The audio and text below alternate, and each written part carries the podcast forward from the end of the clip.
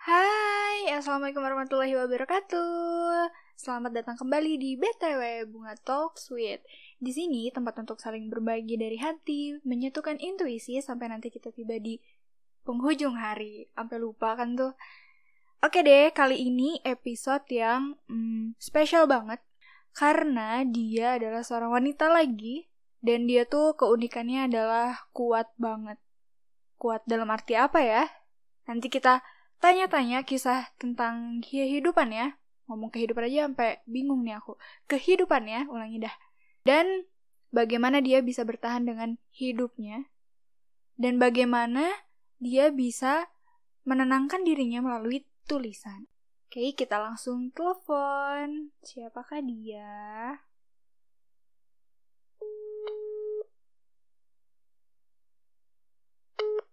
Nah, ini dia bintang tamu aku. Ini dia teman aku yang dari uh, zamannya belum paham banget sama cinta, Desti Kartika. Yeay. Hai. Jadi, kita tuh temenan udah berapa lama sih? Dari kelas 1 SMA sekitar udah 6 6 tahun kali ya. Iya. Lebih 8 Iya. mungkin. Ya, mungkin hampir 10 tahun lah ya kita temenan. Dan kita tuh, Enggak ada lah 10 tahun mah. masih sih? 8 7 tahunan lah. Ya kan hampir. Ya hampir kan 10 tahun. Iya.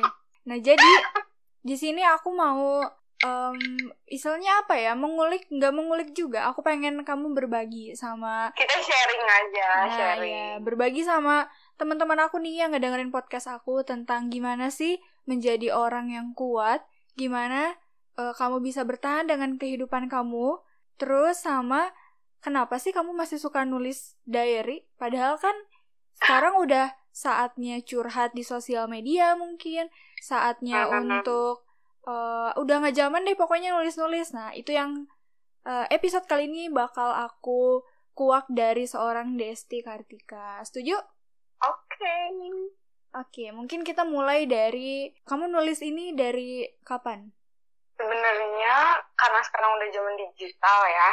Jadi apa-apa kita tulis di handphone, di smartphone atau di laptop atau di tab. Kalau aku sih mulai mulai mulai nulis lagi tuh mulai dua tahun tiga tahun belakangan ini. Cuman dalam kurun waktu nggak tiap hari. Hmm, Oke.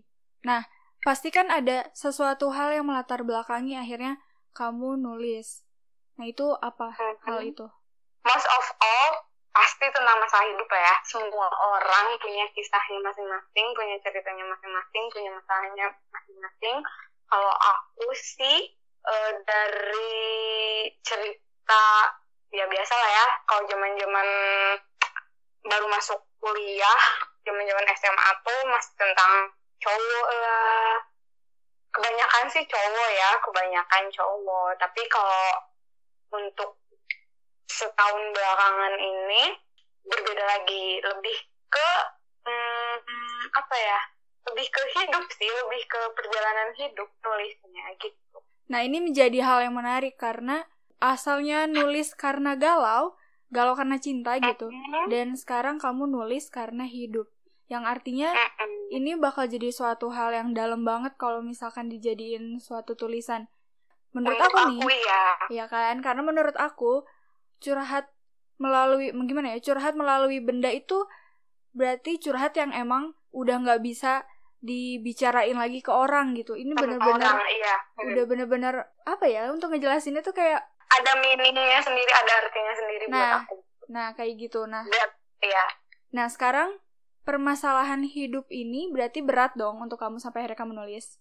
Untuk aku ya untuk aku yang jelas kalau aku gak kalau aku nih orangnya karena bukan tipe orang yang nulis setiap hari ya setiap hari hari ini aku harus nulis hari ini aku nulis aku bukan tipe yang kayak gitu. Jadi cuman kayak memang bener-bener udah berat banget bener-bener udah aku udah eh apa ya frustasi udah udah udah bingung lagi baru aku curahin ke tulisan entah itu hanya untuk meluapkan emosi aku atau cuman buat nulis apa apa yang aku rasain atau Ga- di di dirubah sedikit jadi kata-kata puitis gitu Nah, pertanyaannya pernah nggak sih tulisan kamu ini akhirnya di show up ke seseorang kayak atau mungkin kamu show up di sosial media?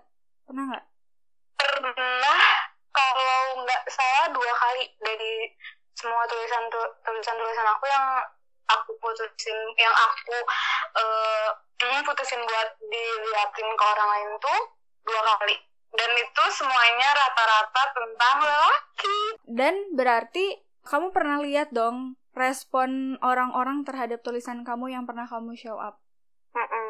Gimana Jelas responnya mereka? aku aku cuman menunjukkan satu tulisan yang aku tunjukin cuman ke temen aku dan akhirnya teman aku tuh memutuskan buat eh, bikin di kalau nggak salah di tam, di ti- di timeline-nya lain deh di lain kan bisa nulis gitu kan Oh iya iya. dia nggak tahu di situ nggak tahu di twitter aku lupa deh pokoknya sama dia tuh akhirnya dimasukin sama teman aku dengan ada inisial ada inisial aku di bawahnya gitu nggak dari aku sendiri pure yang sengaja untuk memperlihatkan ke orang lain kalau aku punya tulisan seperti ini gitu Oh jadi eh, tulisannya tuh nggak kamu show up sendiri, berarti kamu salurin dulu ke enggak teman enggak kamu gitu. enggak Mm-mm. Nah sekarang nih momennya boleh nggak sih? Pengen tahu tulisan apa yang waktu itu kamu kasih? aduh kayaknya sih udah hilang filenya yang ada di HP aku ini sedikit sih nggak nggak sebanyak yang dulu karena ganti HP dan filenya nggak ke bawah. Jadi udah pada hilang nggak aku ini eh nggak aku pindahin datanya. Ya udah yang ada aja mungkin yang menurut kamu ini kayaknya oke nih kalau misalkan di show up.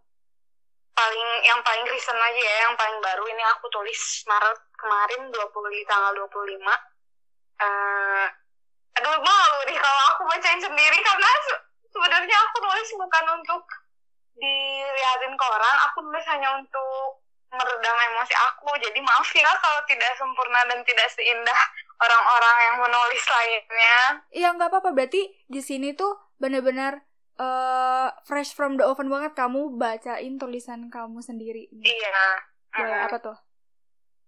Jadi gini, saat semua harus berjalan di luar kendali, aku hanya bisa mengikuti. Jika melawan, hanya sakit yang bisa dihasilkan. Jatuh tidak salah, sedih tidak salah, menangis tidak salah. Salah jika kamu jatuh dan tidak mau bangkit. Salah jika kamu sedih dan tidak mau menerimanya. Salah jika kamu menangis dan tidak mau kembali tersenyum. Ikhlas, yakin ada titik keluar nantinya. Itu salah satunya. Hmm, itu pasti nulisnya kamu sambil sedih-sedih gitu gak sih? Soalnya aku aja yang Iya. mendengar aku bener terasa tersentuh sih dengan tulisan itu. Mm-mm. Jadi most of all dari tulisan aku dari semua dari tulisan aku tuh eh, pasti ketika keadaan aku lagi nangis nangis atau lagi sedih sih. Tapi kalau aku sedih pasti aku nangis gitu. Jujur aku bener-bener appreciate banget karena orang yang mau nulis itu eh, berarti orang yang bener-bener udah nggak bisa nyeritain lagi ke orang lagi dan akhirnya dia berani untuk menuliskan. Bener-bener, bener-bener bener. Ya sebenarnya eh, Kenapa? memutuskan untuk nulis nih ya teman-teman? Hmm. Sebenarnya bukan bukan nggak mau untuk berbagi atau nggak mau untuk share sharing sama teman, tapi lebih ke aku mikirnya kayak gini. Belum tentu orang yang aku cerita ceritain, orang yang aku curhatin ini tuh mengalami hal yang sama dengan aku. Belum tentu apa yang aku alamin mereka mengalami. Jadi ak- ada kalanya ketika aku mikir kalau aku curhat ke orang ini nanti yang ada malah aku yang disalahin.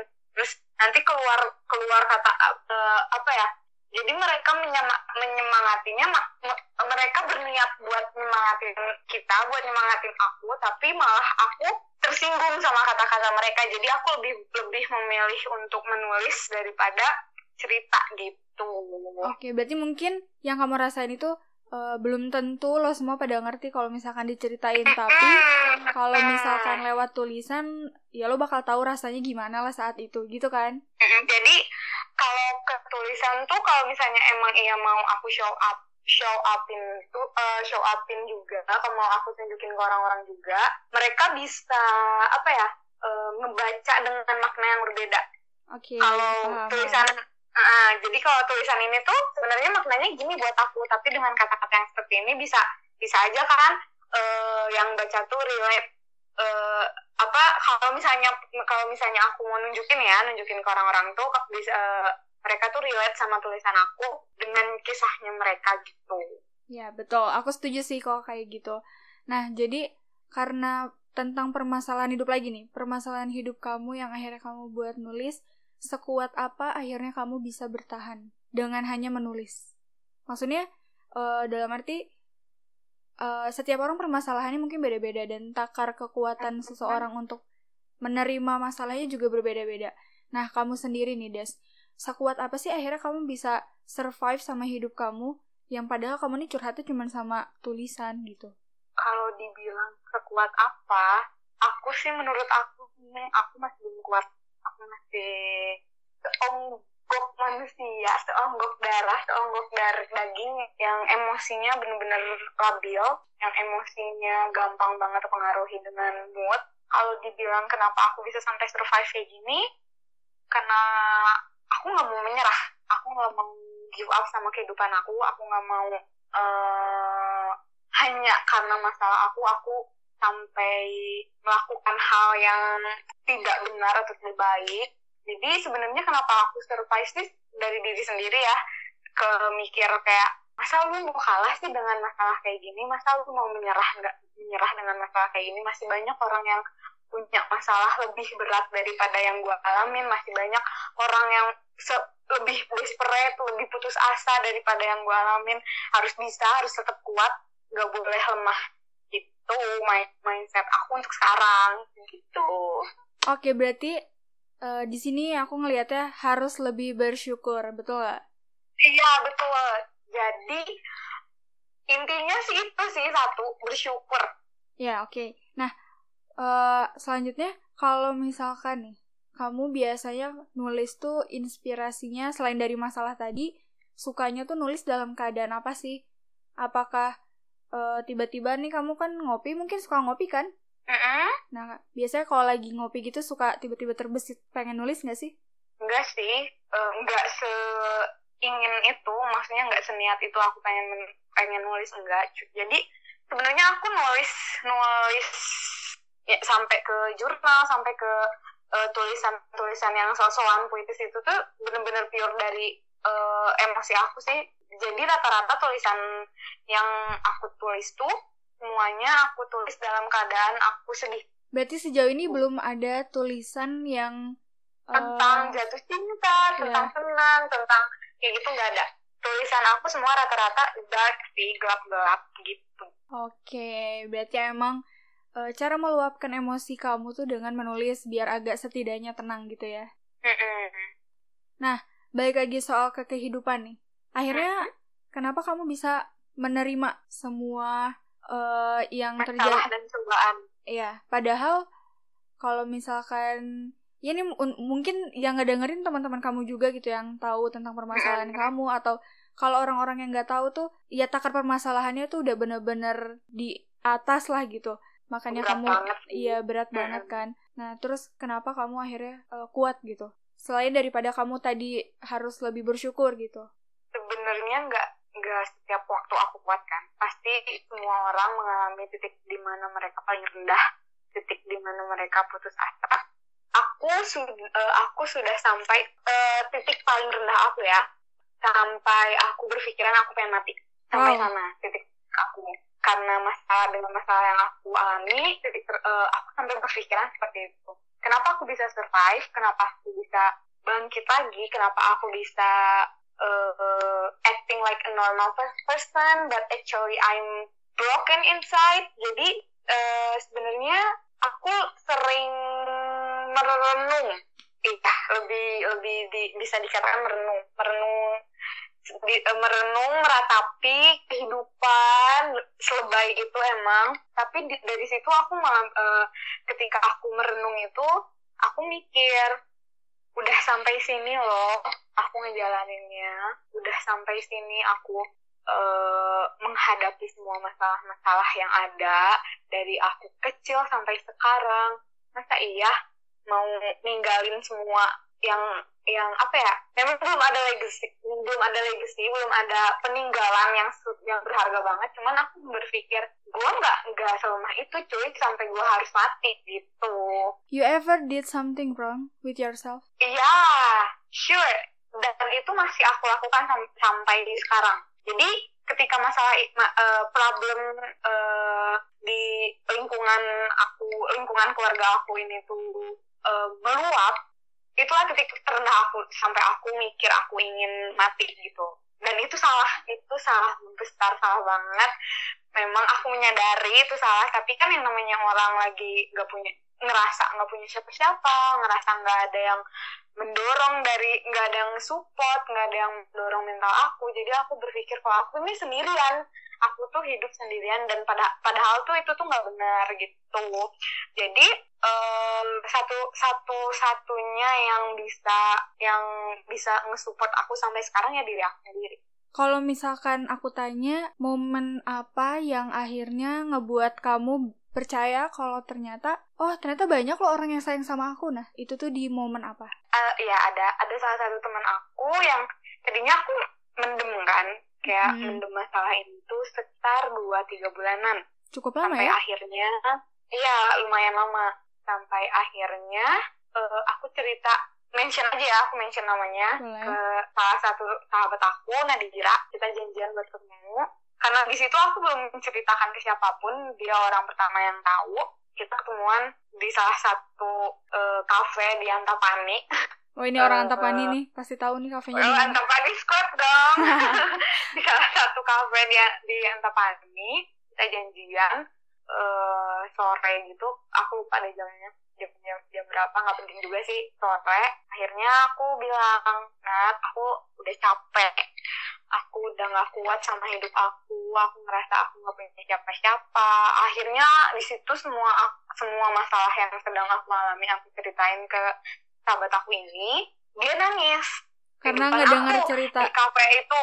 Karena nggak dengar iya, ceritanya karena dengar uh, karena dia dia tahu dengan masalah aku dia dia kaget dia nangis. Jadi di situ aku aku yang tadinya nggak mau nangis jadi ikut ikutan nangis cuy. Kayak ya ampun ada orang yang sayang sama aku ya. Ternyata dia dia sampai ngomong kamu nggak boleh mikir kayak gitu deh nanti kalau kamu nggak ada aku main sama siapa? Banyak yang sayang sama kamu aku sayang sama kamu. Kalau ada kalau ada apa-apa cerita sama aku sampai akhirnya di situ kita berdua sama-sama nangis sampai diliatin sama barista kafe itu. Semalu itu.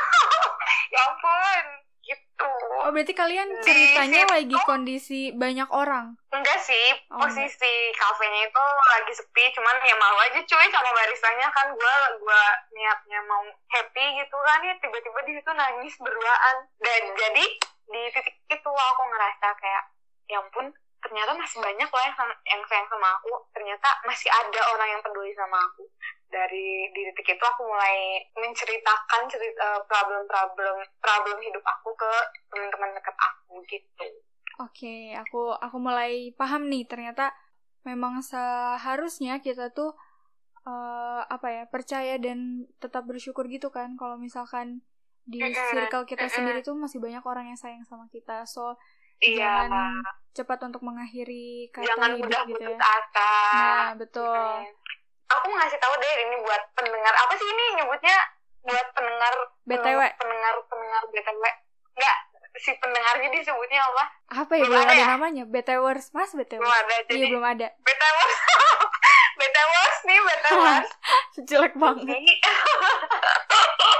Btwers uh, ada berada di posisi itu tuh sangat-sangat menyebalkan. Berada di posisi di mana kita berpikir kita sendirian, kita gak ada orang yang peduli sama kita. Yang sebenarnya banyak orang yang peduli, banyak orang yang sayang sama kita, banyak orang yang mengasihani kita, banyak orang yang uh, mencintai kita, banyak orang yang membutuhkan kehadiran kita. Uh, jangan mudah putus asa sih, jangan mudah putus asa, terus bersyukur. Karena masalah yang kita alami itu belum tentu uh, masalah yang paling berat di dunia ini gitu. Berarti harus percaya kalau misalkan di bawah apa yang kita pijak itu masih ada tanah. Iya, masih ada hal yang lebih sakit, yang lebih sulit daripada kita. Nah, akhirnya untuk ke depannya gitu, apa sih Des yang pengen banget atau kamu harapin banget untuk hidup kamu atau mungkin uh, hidup di lingkungan teman-teman kamu ini gitu? Uh, aku mau ngasih saran dulu boleh nggak? Boleh, apa tuh?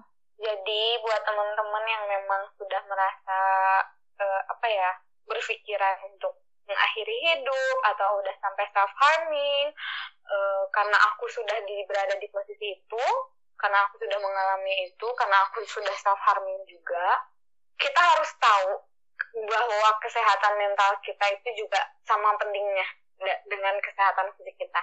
Karena ada beberapa kesehatan fisik kita uh, penyakit penyakit itu disebabkan karena men mentally kita. Jadi untuk curhat untuk berbicara dengan orang lain untuk sharing dengan teman ataupun sharing ke orang yang lebih apa ya mengetahui tentang mental issue itu tuh penting sangat sangat penting. Jadi kalau misalnya memang teman-teman udah ngerasa apa ya mentalnya mulai keganggu mulai gitu ya? keganggu bukan bilang keganggu sih ya jadi kayak ada rasa-rasa uh, apa ngerasa kalau diri kalau diri kita tuh udah tidak seperti sepenuhnya seutuhnya gak apa-apa tuh uh, untuk berbicara kepada psikolog karena memang psikolog itu orang yang ahli dalam mengatasi hal-hal seperti ini gitu. Karena aku yang tadinya gak mau nih gak mau untuk pergi ke psikolog sampai akhirnya aku memutuskan aku pergi ke psikolog tuh membantu sangat sangat sangat sangat membantu begitu. Jadi teman-teman mental mental issue itu sangat penting mental health itu sangat penting. Jadi uh, dimohon untuk lebih lebih peka terhadap mental issue kita. Nah, ya, karena apa? pengalaman di sini kamu udah pernah datang ke psikolog juga, mungkin teman-teman yang nanti dengerin podcast ini lagi ngerasain hal yang sama dan aduh aku nggak mau datang ke psikolog takutnya malah uh, dikira gila atau misalkan, misalkan gila, ya. ya atau misalkan kayak emang masalahnya tuh sefatal apa sih harus ke psikolog? Nah hal apa yang akhirnya ayo dong kamu datang aja nggak usah takut. Nah menurut kamu tuh harusnya gimana? Ketika jadi gini uh, apa namanya di titik mana kita harus sampai memutuskan ke psikolog kan. Hmm. sampai apa namanya tuh kita membutuhkan sekali pertolongan sampai kalian sudah merasakan jangan sampai sih jangan sampai kalian merasakan self harming jangan sampai. Jadi di mana kalian sudah merasa ini tuh nggak beres nggak apa-apa kok ke datang ke psikolog hanya untuk sekedar curhat hanya untuk sekedar uh, punya orang yang untuk mendengarkan itu nggak masalah datang ke psikolog bukan hal yang aneh bukan hal yang yang ambigu bukan hal yang tabu juga untuk datang ke psikolog karena this is for your help this is for your uh, happiness this is for yourself. Karena karena kebahagiaan diri sendiri itu paling penting. Jadi ketika kalian sudah merasa udah desperate banget udah putus asa banget atau bisa juga kalian pengen hanya untuk cerita dan butuh teman yang mendengarkan bukan tidak menjudge bisa datang ke psikolog hanya untuk cerita gitu. Nah berarti harus dirubah itu adalah momok daripada psikolognya itu sendiri kan Apakah menyeramkan hmm. cerita ke psikolog?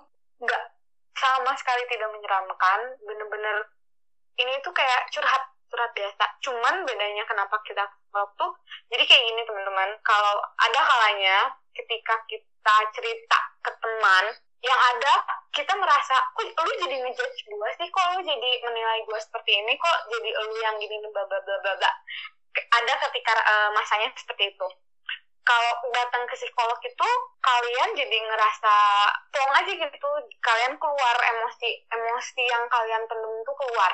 Jadi setidaknya kalian merilis merilis emosi kalian dengan bercerita atau e, dengan menulis itu. Karena karena sebenarnya ketika kita lagi sedih ketika kita lagi stres itu tuh harus kita keluarkan. Tidak boleh kita pendam karena kalau dipendam terus menerus tuh lama-lama emosinya semakin besar dan, dan ada kalanya ketika kita meledak sampai uh, sampai benar-benar di puncaknya di situ aku uh, untuk story aku untuk kisah aku ketika emosi aku meledak aku sudah melakukan self harming jadi kenapa nulis kenapa nulis itu penting? Kenapa kalian yang punya latar belakang yang uh, gimana ya yang berbeda kalian bisa datang ke psikolog tuh untuk mencegah self harming dan mencegah uh, melakukan hal-hal yang hal hal-hal yang tidak tidak baik untuk diri sendiri gitu.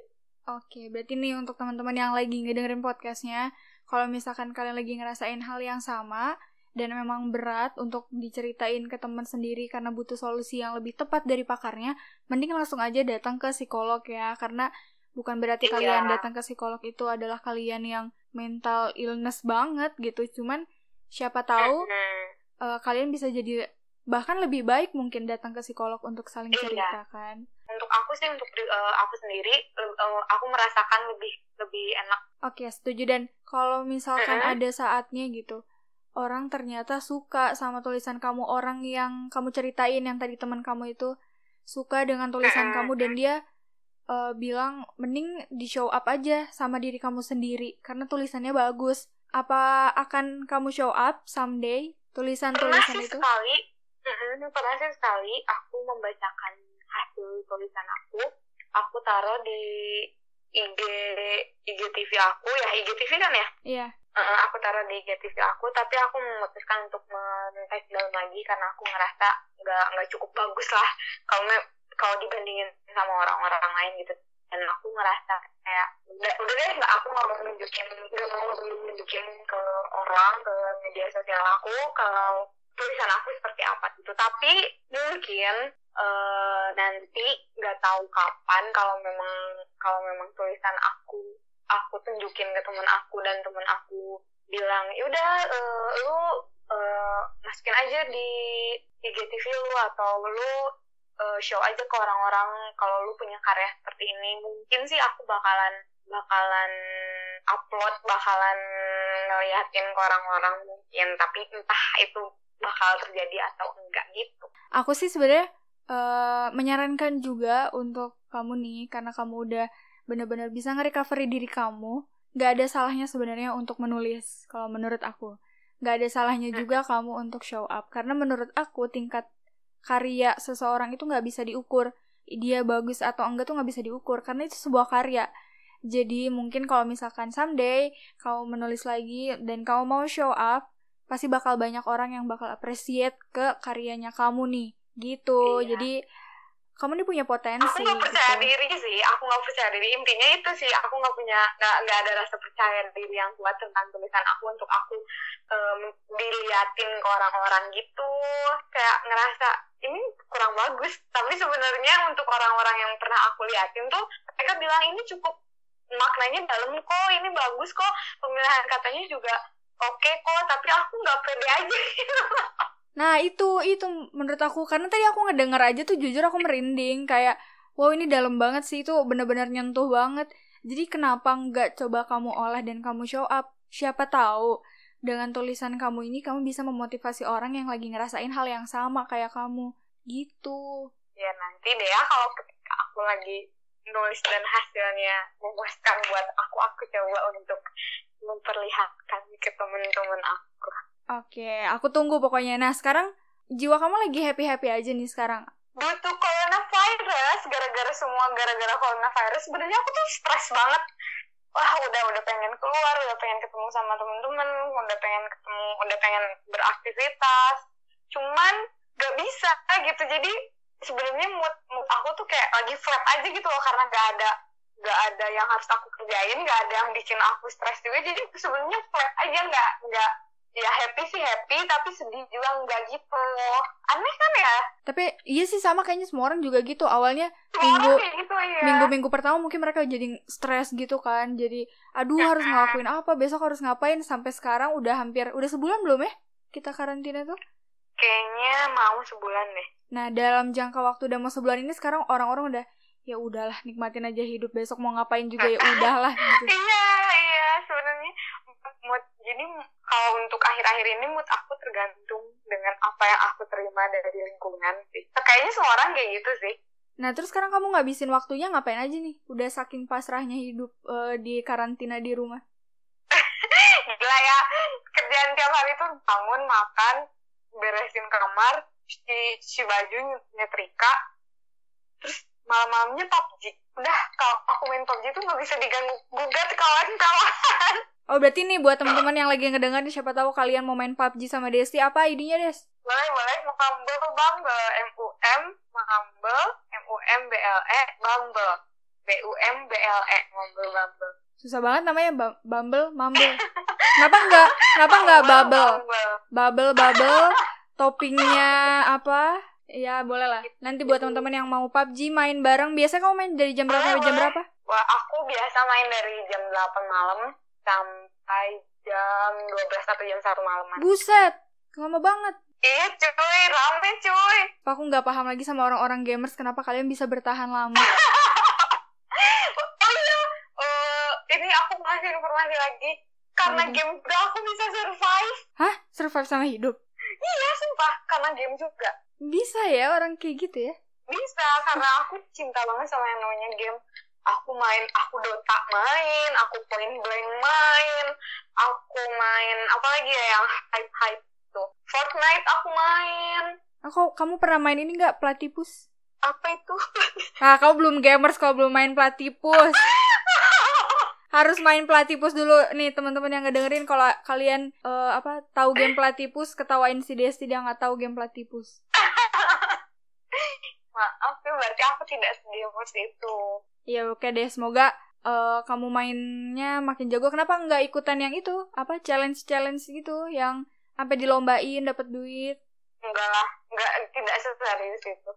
Jadi cuman buat selingan waktu aja biar buat lupa. happy aja, buat happy aja, buat buat naikin mood.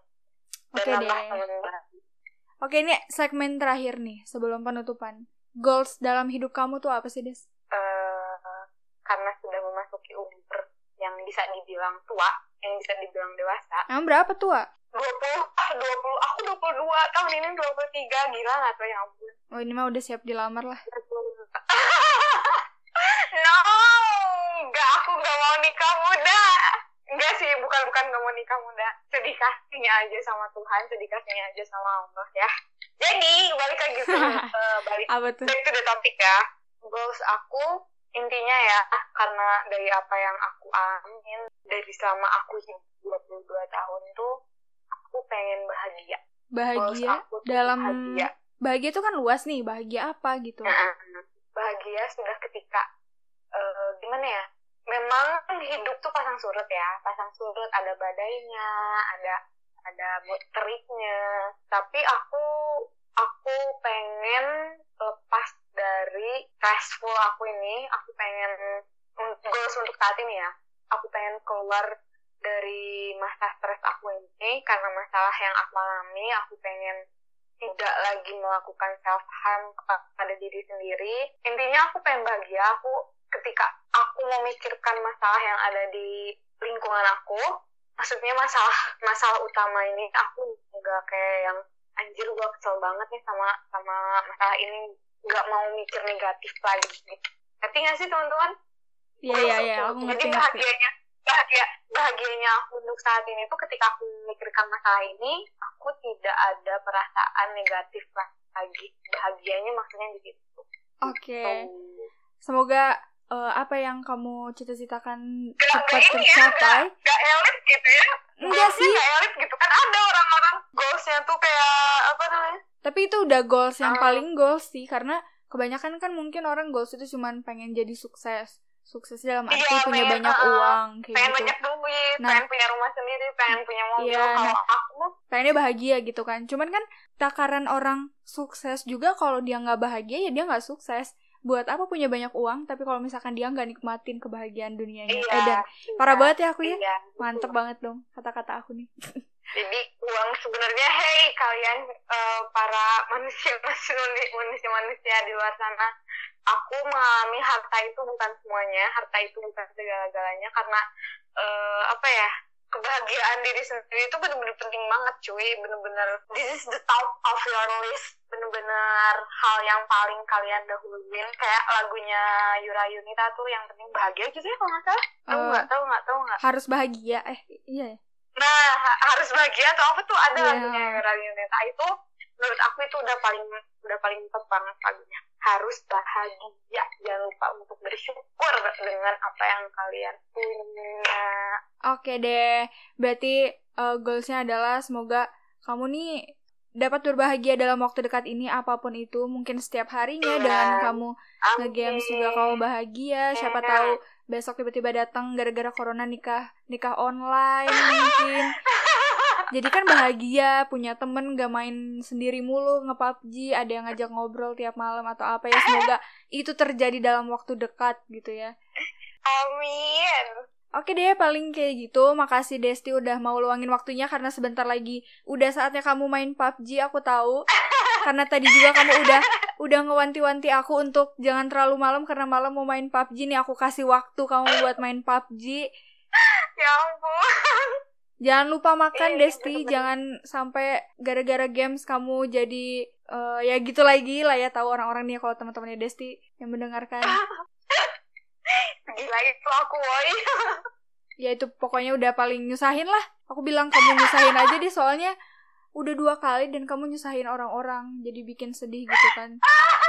Kamu pengen kamu bahagia tapi kamu bikin orang-orang sedih gimana coba ceritanya? Maaf, guys. Manusia tidak ada yang sempurna, guys. Iya, tapi jangan sengaja juga. Nah ya udah, semoga harapan-harapan yang baik itu dapat datang dalam waktu terdekat ini untuk kamu. Makasih udah luangin Amin, waktunya. Amin, amin. Makasih. Sama. Dadah pendengar BTWers. Dadah, sampai ketemu lagi, Des. Dadah. Be happy all. Happy God to. bless. Assalamualaikum. Salam. Nah, untuk kalian yang udah ngedengerin, terima kasih juga. Dan untuk kalian yang mau mengirimkan cerita atau misalkan request tentang cerita siapa atau orangnya lebih tepatnya siapa, kalian bisa langsung kirim DM di @hai.bunga atau di first akun aku di @revandibunga-nya 2 karena nanti di situ aku bakal balasin dan ajak kalian untuk ngobrol. Terima kasih. Assalamualaikum warahmatullahi wabarakatuh.